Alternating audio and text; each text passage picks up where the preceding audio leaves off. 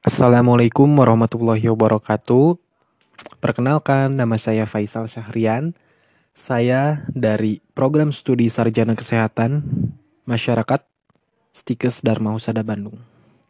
Untuk kali ini, saya sendiri akan membawakan materi atau sharing information tentang kesehatan, yaitu kelainan refraksi, yaitu tentang miopia. Apa sih miopia itu?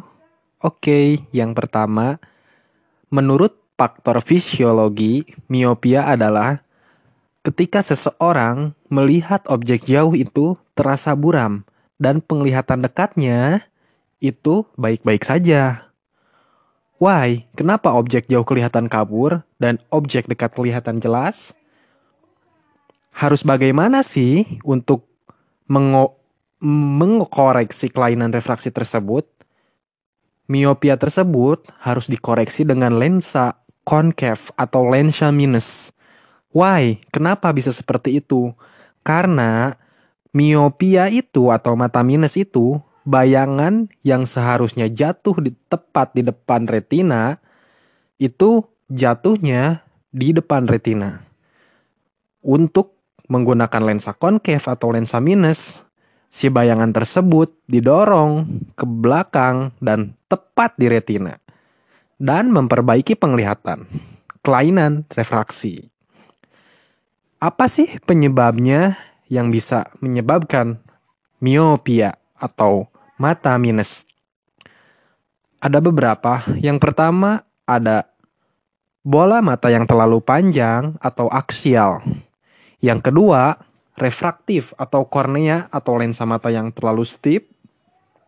Ketiga, perubahan indeks refraktif atau lensa kristalin atau katarak, hidrasi dan glukosa. Oke, selanjutnya ada beberapa sih derajat dioptri tersebut atau kategorinya apa aja sih? Oke. Selanjutnya, miopia terbagi sebagai 5 ada miopia sangat ringan, ada miopia ringan, ada miopia sedang, tinggi, dan sangat tinggi. Berapa sih yang dikatakan miopia sangat ringan? Itu lebih dari minus satu. Eh, kurang dari minus satu, sorry, sorry. Yang kedua, minus satu sampai tiga itu dikatakan masih dalam miopia ringan. Miopia sedang 3 sampai 6, miopia tinggi 6 sampai 10, miopia sangat tinggi itu lebih dari 10. Ya, oke, okay. yang selanjutnya saya akan membahas tentang tanda dan gejala miopia. Gimana sih orang itu untuk mengetahui saya itu miopia dan tanda dan gejalanya seperti apa sih? Oke, okay.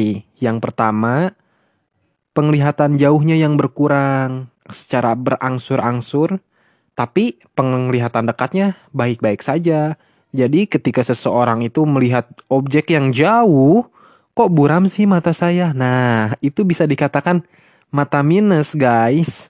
Oke, gejala-gejalanya apa aja sih? Kaburnya penglihatan jarak jauh secara terus-menerus atau secara terus-menerus itu memperburuk tajam penglihatan, itu bisa dikatakan gejala. Yang kedua, sering memicingkan mata. Apa memicingkan mata? Ya, kayak matanya dikecil-kecilin kayak gitu. Yang ketiga, sering menggunakan jarak kerja yang pendek. Oke guys. Yang selanjutnya, faktor-faktor yang mempengaruhi timbulnya miopia atau mata minus itu apa sih? Yang pertama, dari usia bisa. Kedua, ras.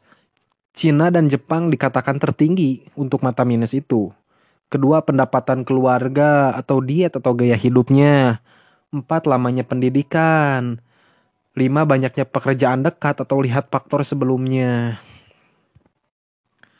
Nah, untuk miopia pada anak-anak menurut After Guizda tahun 1903, jadi yang kedua orang tuanya menggunakan kacamata, kemungkinan besar anaknya pasti menggunakan kacamata. Karena itu bisa disebutkan faktor keturunan. Yang terakhir mungkin saya akan memberikan tips and trick supaya untuk menguranginya sering istirahatkan mata atau sering menggunakan pencahayaan yang cukup.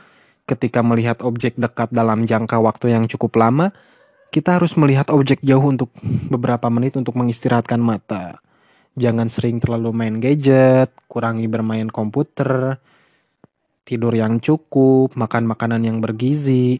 Insya Allah itu bakal bisa memperlambat dan ingatkan lagi untuk kacamata itu bukan obat ya. Kacamata hanya alat bantu refraksi. Apa pun itu dari obat minus atau kacamata penurun minus itu bohong, tidak ada. Mungkin cukup sekian dari saya Faisal Sahrian. Oke, okay, terima kasih. Close the door, 3, 2, 1, go.